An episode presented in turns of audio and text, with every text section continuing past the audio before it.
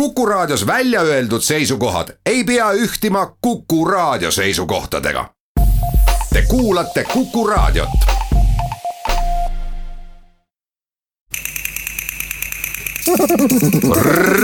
reisirada. saade valmis koostöös Goethe instituudiga Tallinnas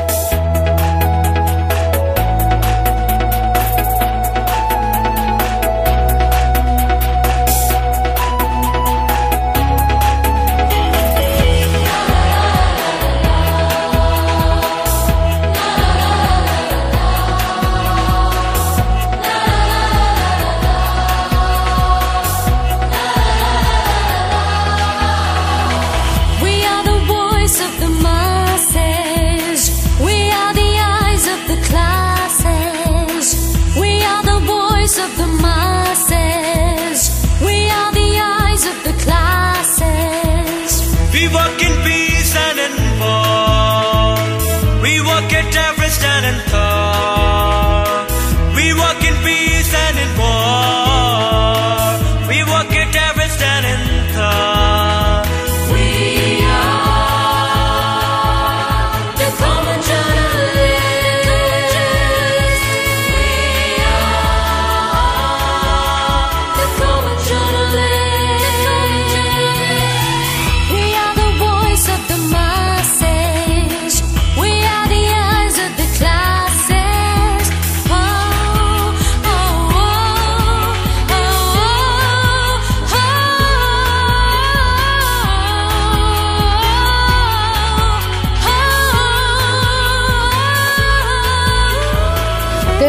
tere, Kuku raadio kuulaja!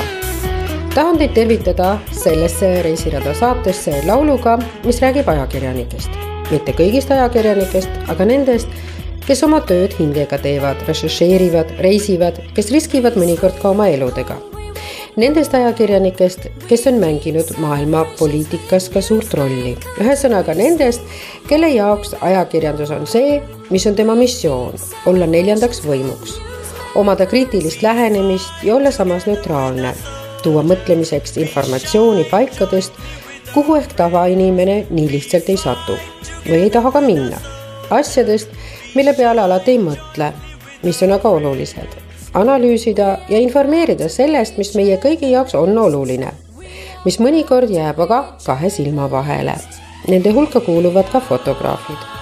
praegu kus palju on juttu fenomenist nimega fake news, valed uudised, kus social meedia mängib oma rolli ja kõik on muutunud globaalsemaks kui kunagi varem, on heade ajakirjanike töö eriti oluline. kõigepealt läheme meie aga Saksamaale, mis tutvustas ennast sel aastal terve aprillikuu nimetuse all Saksa kevad erinevate üritustega sai kuulata muusikat, vaadata linnafassaadidel filme, üritusel nimetuse all The Wall is a Screen sai Goethe instituudis muutuda Kafka järgi putukaks ning saada ettekujutuse Hamburgist, mis oli selle aasta partnerimaaks selleks oli Tallinnasse tulnud ka Laura Fricke, Hamburgi senati kantselei rahvusvahelise koostöö osakonna referent. Hamburg und Estland äh, verbindet ja traditionell eine lang, lange Zusammenarbeit. Es sind beides Hansestädte. Ähm, es gab schon immer einen stetigen kulturellen Austausch und starke Handelsbeziehungen.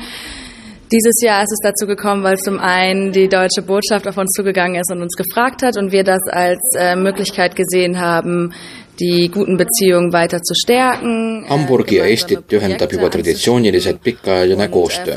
mõlemad on hansalinnad. juba alati on siin olnud pidev kultuurivahetus ja tugevad majandussuhted. sel aastal paluti meil osaleda ühest küljest Saksamaa suursaatkonna poolt ning me nägime selles võimalust heade suhete edasiseks tugevdamiseks ja ühiste projektide edendamiseks. eelkõige tahtsime aga Eestis ja Tallinnas hankida teavet digitaliseerimise teemal Hamburg püüdleb Saksamaa Liitvabariigis selle poole, et jõuda kogu riigi esimeseks digiteenuste alal ning kus mujal võiks Euroopas veel midagi digitaliseerimise kohta õppida kui just Eestis, kus ollakse sel alal kogu Euroopa esirinnas. mis puudutab digitaliseerimist, siis mis on teile Eestis kõige suuremat muljet avaldanud? Wenn es jetzt die Digitalisierung betrifft, was hat Sie am meisten beeindruckt, was Sie hier gesehen haben? Am meisten beeindruckt hat uns, äh, wie sehr E-Government eigentlich schon Einzug in das Leben der Bürgerinnen und Bürger äh, erhalten hat, dass nahezu alle Verwaltungsdienstleistungen online und somit sehr dienstleistungsorientiert erbracht werden können.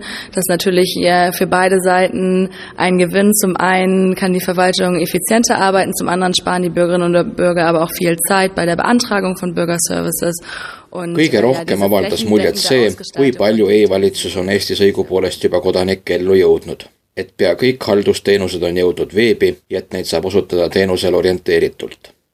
et siin on mõlema poole jaoks loomulikult oma võit, ühest küljest saab haldusaparaat töötada palju tõhusamalt, teisest küljest säästavad kodanikud ka palju aega kodanikele suunatud teenuste taotlemisel ning kogu riiki kattev digitaliseerimine jättis meile tõesti sügava mulje. väga põneval töökohal on ka Anne Küünke, kes tõi Saksa kevadele muusikud Hamburgist, kes on ise aga Kultuuri- ja Meediaameti rahvusvahelise kultuurivahetuse referent Euroopa, Aafrika ja Venemaa alal. Direkt von dem Leiter ähm, der, des Goethe-Instituts, Herrn Ribbert, ähm, habe ich den, das Feedback bekommen, dass es sehr außergewöhnlich war, wie die, besonders die Saxophonistin gespielt hat. otse Goethe-instituudi juhataja härra Riberti käest sain ma tagasisidet et oli väga ebatavaline, kuidas eriti just saksofonist mängis. kui selline üritus Hamburgis on, kas seal mängitakse sarnaseid asju või kuidas te seal programmi valite?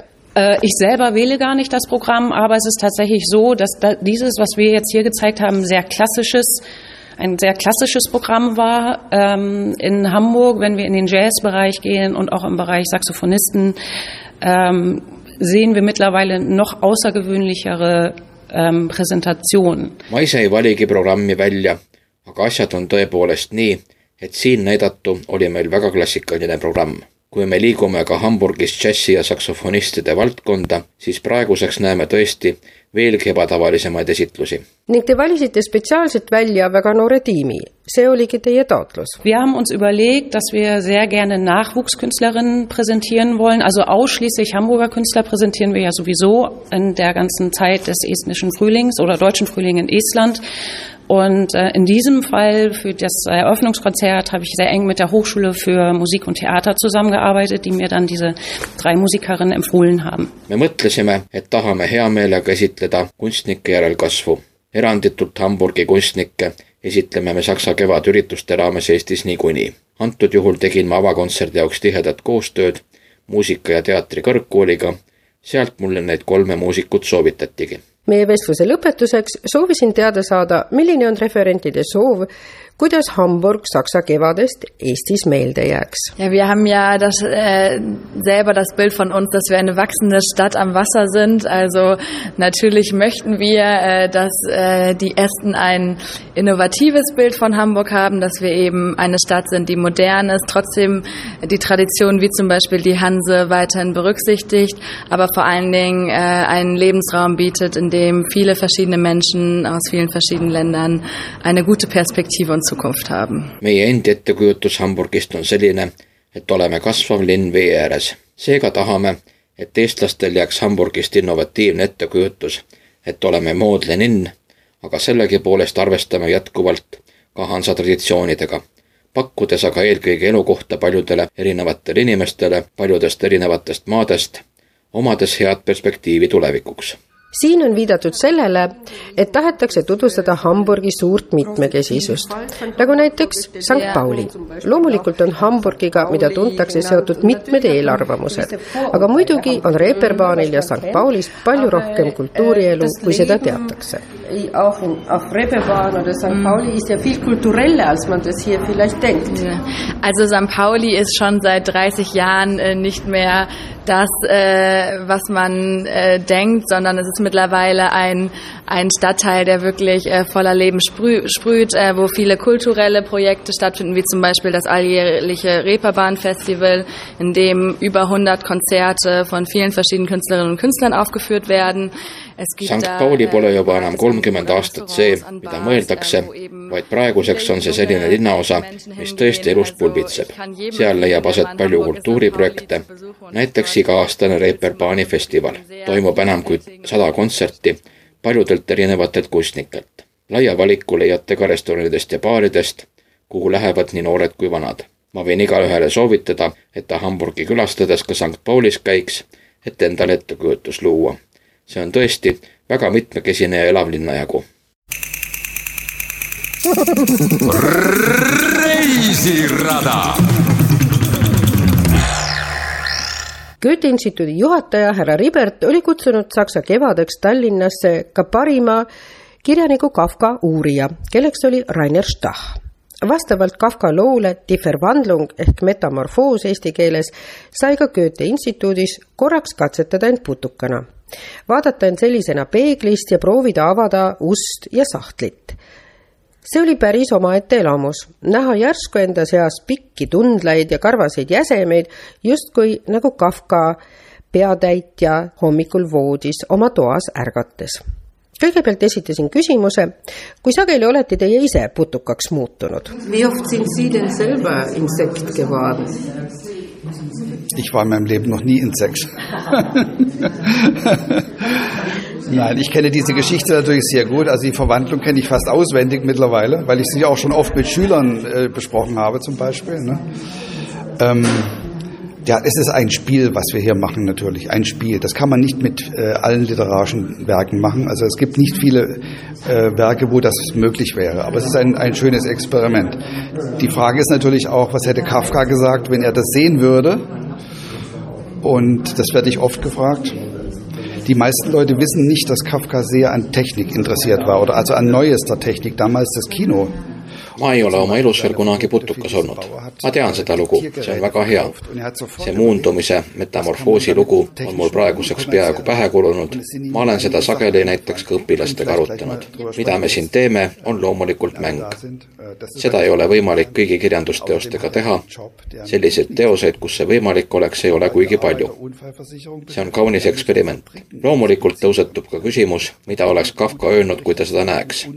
seda küsitakse minu käest üsna sageli sageli. enamik inimesi ei tea, et Kafka oli ka suur tehnikahuviline. tolle aja suureks tehnikauudiseks oli kino. tema kihlatu Felice Bauer tegeles dikteerimisseadmete müügiga ning mõtles kohe järele, mida saab sellega tehnilises ja ärilises mõttes teha. tal olid mõned mõtted, me võime mõnest asjast kohe veel rääkida, peale selle oli tal töökoht, mis oli tehnikaga seotud. tema töö oli seotud õnnetusjuhtumite kindlustamisega, ta pidi inspektorina vabrikutes käima vaatama, kui hästi on need tööohutuse seisukohalt sisse seatud. ta käis ka loengutel uue tehnika kohta, et üldse suuta vabrikutest ja masinavärkidest aru saada. ta oli seega tehnikaga hästi kursis kuidas tulite te ideele, et me kõik tahaksime kord putukad olla? Und wie sind Sie auf diese Idee gekommen, dass Sie dachten, dass wir alle auch mal Käfer sein wollen? Das war nicht meine Idee. Es war der, die Idee eines äh, amerikanischen Regisseurs, der hat eine kleine Filmschule in Prag und er hat einen Produzenten gefunden, der das Ganze finanziert und hat dieses Experiment gemacht. Also das Zimmer von Gregor Samsa als 3D-Projektion. Das ist eine Technik, die ist sehr aufwendig, sehr teuer. Äh, man braucht dafür sehr ähm, spezielle Software dafür und äh, mehrere Kameras, die zusammenarbeiten und so weiter. See ei olnud minu idee, see oli Ameerika režissööri idee, kellel on Prahas väike filmikool. ta leidis produtsendi, kes kõike finantseerib ja tegigi sellise eksperimendi. ta tegi Gregor Samsa toa 3D projektsioonis. see on väga töömahukas ja kallis tehnika, selleks on vaja spetsiaalset tarkvara ning mitut kaamerat, mis koos töötavad ma olin mõtete juures, see oli väga keerukas ja võis märgata, et tegemist on alles algusjärgus tehnikaga. seda on võimalik veel paremaks muuta. hetkel on asjad nii, et sinna sisenedes antakse prillid ja andmekingad, et arvuti teaks, kus inimene ruumis seisab. siis ollaksegi juba Gregor Samsa toas, näha on voodit ja muudki. hirmuäratav on aga seejuures, et kui käsi ette sirutada, et midagi puudutada, siis ei ilmu nähtavale käsi, vaid hoopis mingi putuka jalg hullemaks läheb siis, kui minna peegli ette.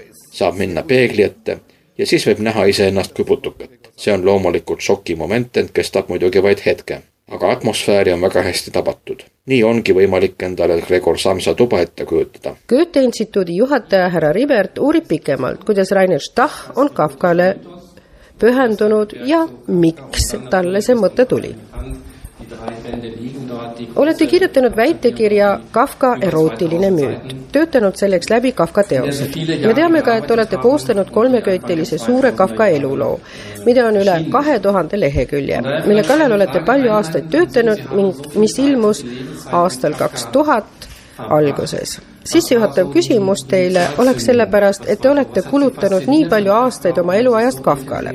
mis oli selle esialgseks ajendiks, mis vaimustas teid Kafka juures, et hakkasite tema isikuga sedavõrd intensiivselt tegelema? Also ich ähm, gehöre zu der Generation deutscher Schüler, die nicht mit Kafka konfrontiert wurden weil äh, wir hatten damals Ende der 60er Jahre hatten wir noch Lehrer, die teilweise in der Nazi-Zeit ausgebildet waren. Ja. Mhm. Wenn man großes Glück hatte, hatte man junge Lehrer, die waren oft Kafka begeistert, weil Kafka war Bestseller, schon in den 50er Jahren eigentlich schon. Ne.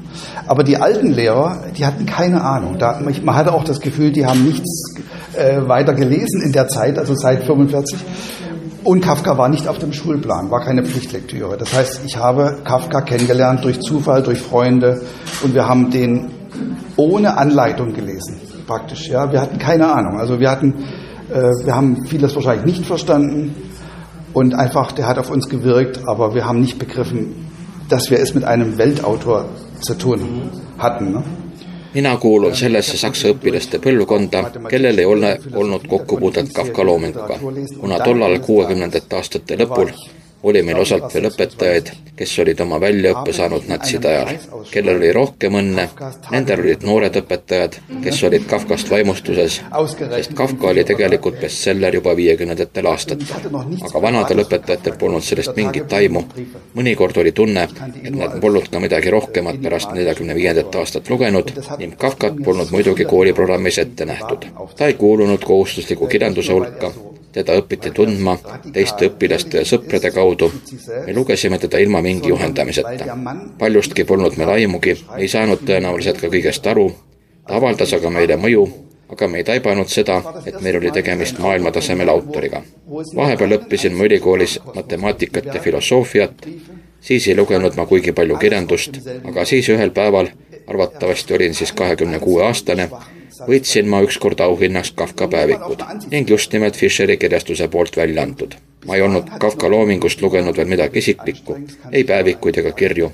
tundsin teda vaid kui enigmaatilist autorit. aga tema erakirjad puudutasid mind sedavõrd lähedalt, mitte üksnes seetõttu, et ta on niivõrd radikaalselt aus iseenda suhtes, vaid seepärast, et too mees kirjutas kirjad ja päevikud nagu keelelisel kirjanduse tasemel. see oli esimene kord, kus ma õppisin tundma autorit kellel on üks ainus keeleline diskursus nii teoste, kirjade kui päevikute jaoks. kõik on samal tasemel. tema kirjutistest ei leia ühtki nõrka lauset, isegi mitte postkaardilt. kuni selle ajani oli mul veel suuruse hullustus, et kui ma ennast pingutan, siis võin ühel päeval võib-olla suureks autoriks saada. alates sellest momendist sai mulle aga selgeks, et selle võib kõik ära unustada, kuna see on vähemalt kolm korrust parem, kui mina ealeski luua suudaksin. see on täiesti saavutamatu näiteks tema vaatlemiste täpsus, ka tema enesevaatlemise täpsus. siis ma hakkasingi temaga intensiivselt tegelema, kõigepealt tuli väitekiri, seal oli tegemist akadeemilise tööga, selles oli juttu naiste rollist Kafka puhul. seejärel olin ma tegevlektorina Fischeri kirjastuses, ma ei saanud ise küll kuigi palju luua, ent töötasin nõustajana, kui tehti Kafka teoste kriitilist väljaannet. Ühest küljest on olemas teosed, mis on avaldatud, teisest küljest on nii-öelda sahtlisse kirjutatud asjad kuidas seda hindama peaks, mida kõike te sahtli jaoks kirjutas? was er veröffentlicht hat und was er sozusagen noch in der Schublade hatte. Wie hat man das zu bewerten? Was, was hat er alles für die Schublade geschrieben? Ähm, die, die Hauptursache ist, Kafka war ein absoluter Perfektionist. Ja. Das heißt, es kam für ihn nicht in Frage, ein unvollendetes Werk freizugeben.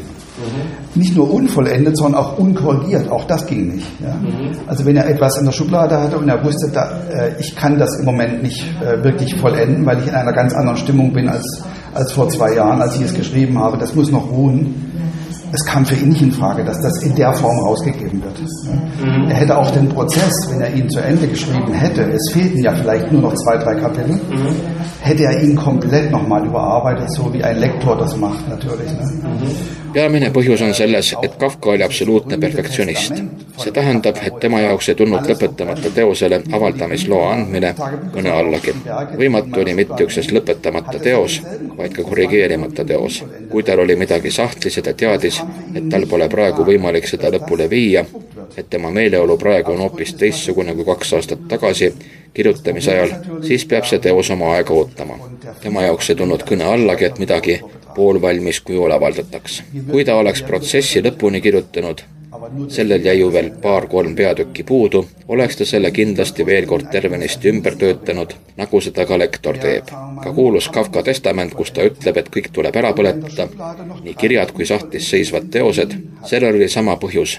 Need olid ju mingil kujul lõpetamata tekstid ning ei tulnud üldse kõne alla, et need ära trükitaks. just perfektsionismi pärast. probleemiks on loomulikult see, et ta pidas ennast paljude fragmentide tõttu nurjunud autoriks. meie hindame seda tänasel päeval muidugi teisiti, aga üksnes seetõttu, et me tema loomingut tunneme. Te peaksite endale ette kujutama, kuidas oleksid asjad muusiku puhul, kes on lõpuni kirjutanud üksnes kammermuusika ja kellel on sahtlis veel kolm lõpetamata sümfooniat. Siis oleks ju küsimus, kas me võtaksime teda kui klassikut tõsiselt, usutavasti me ei läheks nii kaugele kirjanduses on asjad aga teistmoodi. Kafka ja ka Muusili puhul peetakse olulisi fragmente praegusel ajal teosteks. aga Kafka ajal see nii polnud, tema jaoks tähendas see nurjumist. umbes kolmsada kolme tuhande vastu, umbes nii tundub see. teada on, et Kafka suures vaimustuses oli elulugudest, ta on nendega palju tegelenud. see tähendab, et see teos, tema enda kohta kirjutatud elulugu, oleks talle nähtavasti meeldinud tulgem nüüd selle installatsiooni juurde, see on teatavas mõttes mäng. selle taustaks on, nagu te kõik teate, Kafka jutustus Metamorfoos ilmus tuhande üheksasaja viieteistkümnendal aastal. selle algus on meile kõigile teada peategelane Gregor Samsa ärkab hommikul üles ja avastab, et ta on kahjur putukaks muundunud. selle stseeniga antud installatsioon mängibki. Also ich wurde angefragt, ob ich da mitmachen möchte, als das Grundkonzept schon fertig war. Das heißt, äh, der, der Produzent und der Regisseur, äh, beides Amerikaner, die in Prag leben, äh, hatten entschieden, das zu, nicht nur das zu machen, sondern sie hatten auch schon entschieden, dass man das Insekt sehen würde. Mhm. Ja, in irgendeiner Form. Und das war für mich der Punkt, wo ich überlegen musste, ähm, ob, das, ob ich das gut finde oder nicht. Denn Kafka hätte das wahrscheinlich abgelehnt. Kafka hätte nicht diese Technik abgelehnt, da komme ich gleich dazu, aber er hätte wahrscheinlich abgelehnt, dass das Insekt gezeigt wird.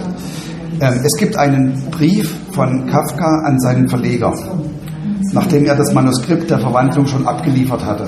Ja? Und da schreibt er ihm, lieber Herr Wolf, mir fiel gerade ein, wenn Sie das Buch illustrieren wollen, ja, Sie werden doch vielleicht etwa eine, eine äh, Umschlagsabbildung wollen, mhm. dann dürfen Sie auf keinen Fall das Insekt zeigen oder den Käfer zeigen. Ja? Auf keinen Fall.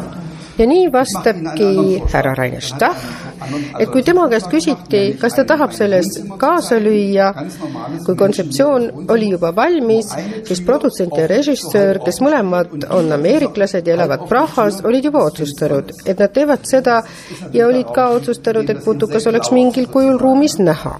ja see oli punkt, kus ta hakkaski kaaluma kas ta peab seda heaks lahenduseks või mitte, sest Kafka oleks sellest nähtavasti keeldunud.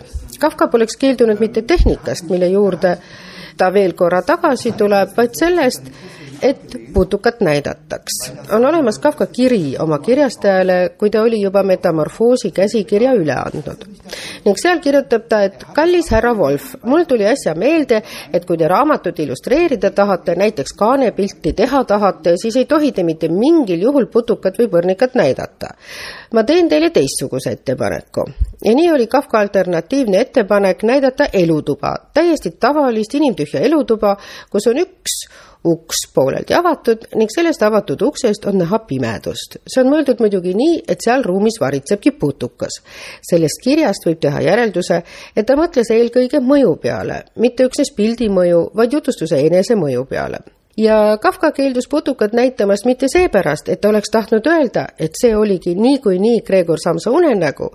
see pole põhjus. Ta keeldus putukat näitamast, kuna ta oli arvamusel, et iga lugeja peab oma peas selle kahjur putuka pildi ise looma. Ning kui ta seda teeb, siis on mõju palju tugevam kui siis, kui me seda talle näitame kuulates Rainer Stachi ülevaadet Kafka tööst ja Gregor Samsa unenäost, enne kui me astume tuppa, kus ka ise putukaks muutuda saame, saame teada, et Kafka oli ammu mõelnud sellise fenomeni nagu 3D kino peale.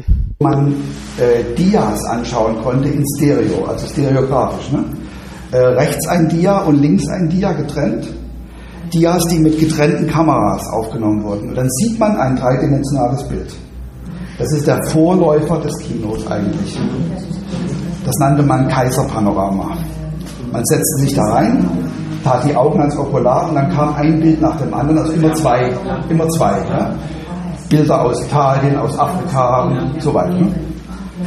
Und als Kafka rauskam, nachdem er sich das angeschaut hatte, er hatte es schon ein paar Mal gesehen, schreibt er in sein Tagebuch am selben Tag, könnte man nicht das Prinzip des Kaiserpanoramas mit dem kinematografischen Prinzip kombinieren? Wieso eigentlich nicht? Das wäre das 3D-Kino, wenn das technisch möglich gewesen wäre damals. Niemand außer ihm, ich weiß wirklich niemanden außer ihm, der auf diese Idee gekommen ist zu dieser Zeit. Diapositiivide näitamine oli võimalik stereograafiliselt, paremal on üks pilt ja vasakul teine omaette. kui diapositiivid on üles võetud eraldi kaameratega, siis tekibki vaadates kolmemõõtmeline pilt. see on tegelikult kino eelkäija. seda nimetati keisripanoraamiks. siia istuti sisse, pandi okulaarid ninale, siis tuli üks pilt teise järel, alati kaks tükki kõrvuti, näiteks Austraaliast, Aafrikast ja nii edasi. kui Kafka sealt välja tuli ja juba paar korda seda näinud oli, siis kirjutas ta veel samal päeval oma päevikus, kas keisripanoraami põhimõtet ei võiks ka kinematograafilise põhimõttega kombineerida ja miks ka mitte.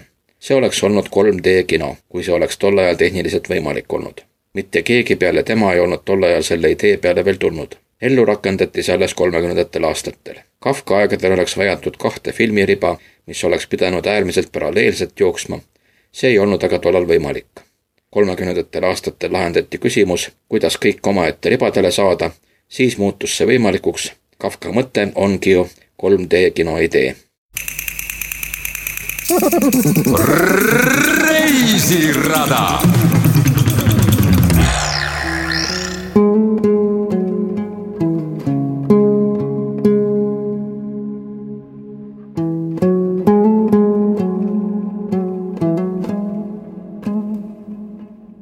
nüüd aga veel meedialaulu juurde, mis on maailma esimene meedialaul, pühendatud ajakirjanikele. laul on loodud maal, mis võiks üllatada.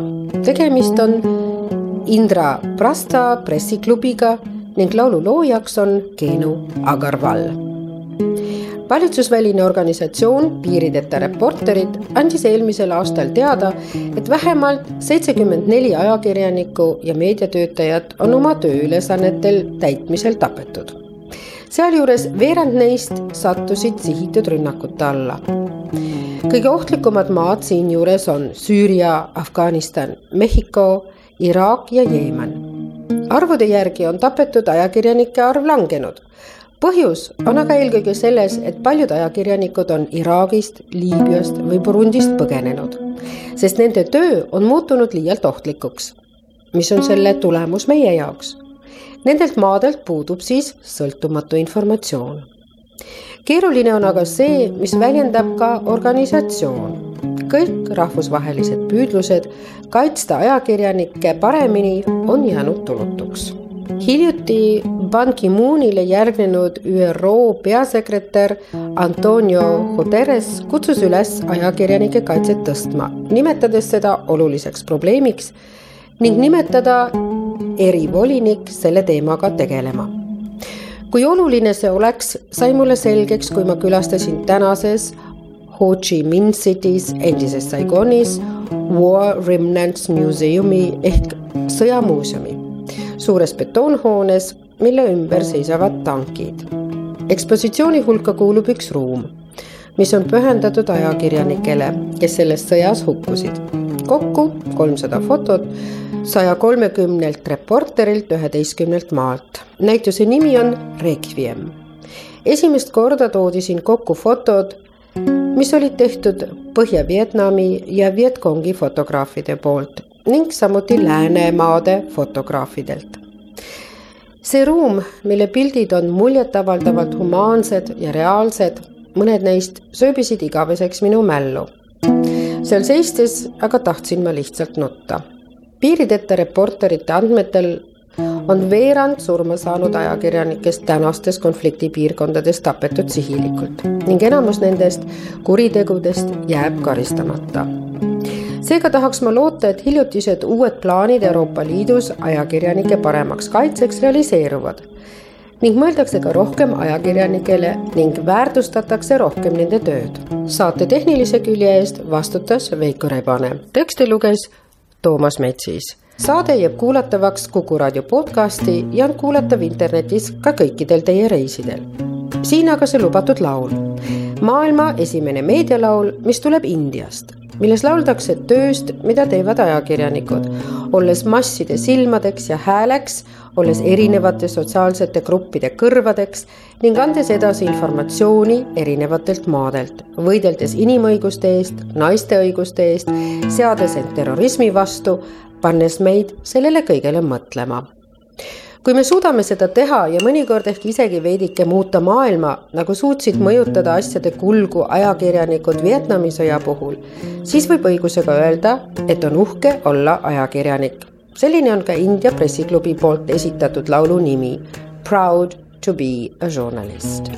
saatejuht Tea Karin loodab, et leiate oma reisidel aega kaunitelt randadelt vahetevahel teha väikeseid reise maade, mineviku ja hingega tutvumiseks nendel maadel, milledes viibite We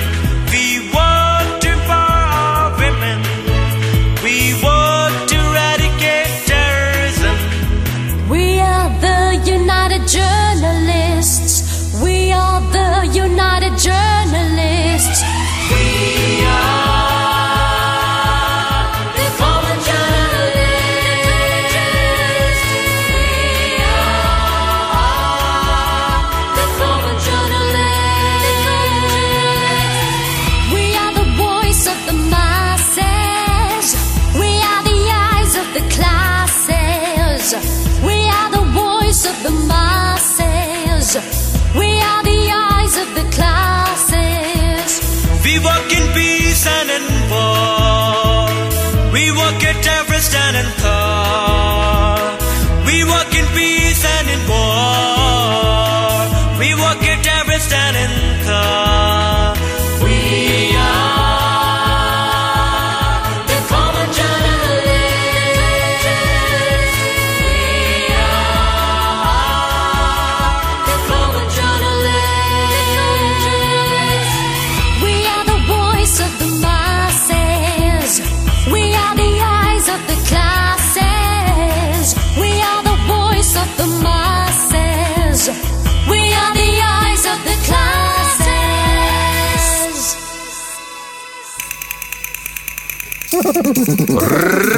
Reisirada